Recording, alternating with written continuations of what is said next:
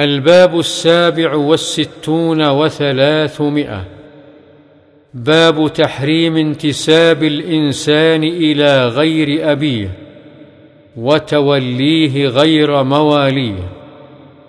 عن سعد بن أبي وقاص رضي الله عنه أن النبي صلى الله عليه وسلم قال من ادعى إلى غير أبيه وهو يعلم أنه غير أبيه فالجنة عليه حرام. متفق عليه. وعن أبي هريرة رضي الله عنه عن النبي صلى الله عليه وسلم قال لا ترغبوا عن آبائكم فمن رغب عن أبيه فهو كفر. متفق عليه. وعن يزيد بن شريك بن طارق قال رأيت عليا رضي الله عنه على المنبر يخطب فسمعته يقول لا والله ما عندنا من كتاب نقرأه إلا كتاب الله وما في هذه الصحيفة.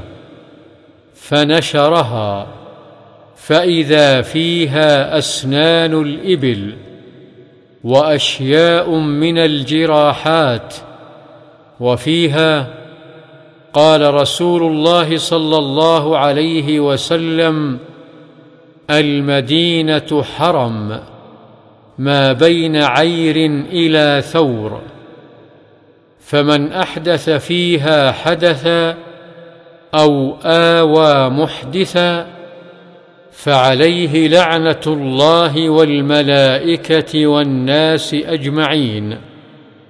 لا يقبل الله منه يوم القيامة صرفا ولا عدلا. ذمة المسلمين واحدة يسعى بها أدناهم. فمن أخفر مسلما فعليه لعنة الله والملائكة والناس أجمعين.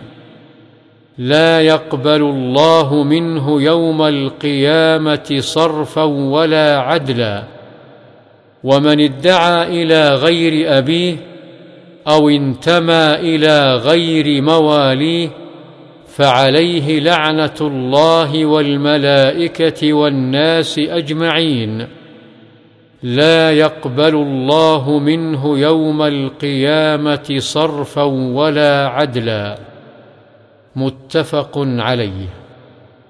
ذمة المسلمين أي عهدهم وأمانتهم. وأخفره نقض عهده. والصرف التوبة. وقيل الحيلة. والعدل الفداء.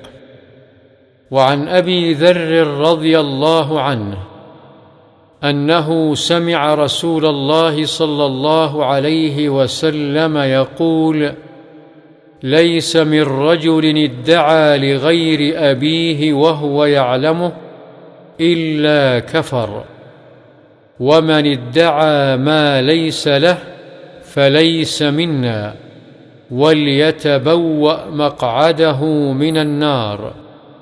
ومن دعا رجلا بالكفر أو قال عدو الله وليس كذلك إلا حار عليه متفق عليه وهذا لفظ رواية مسلم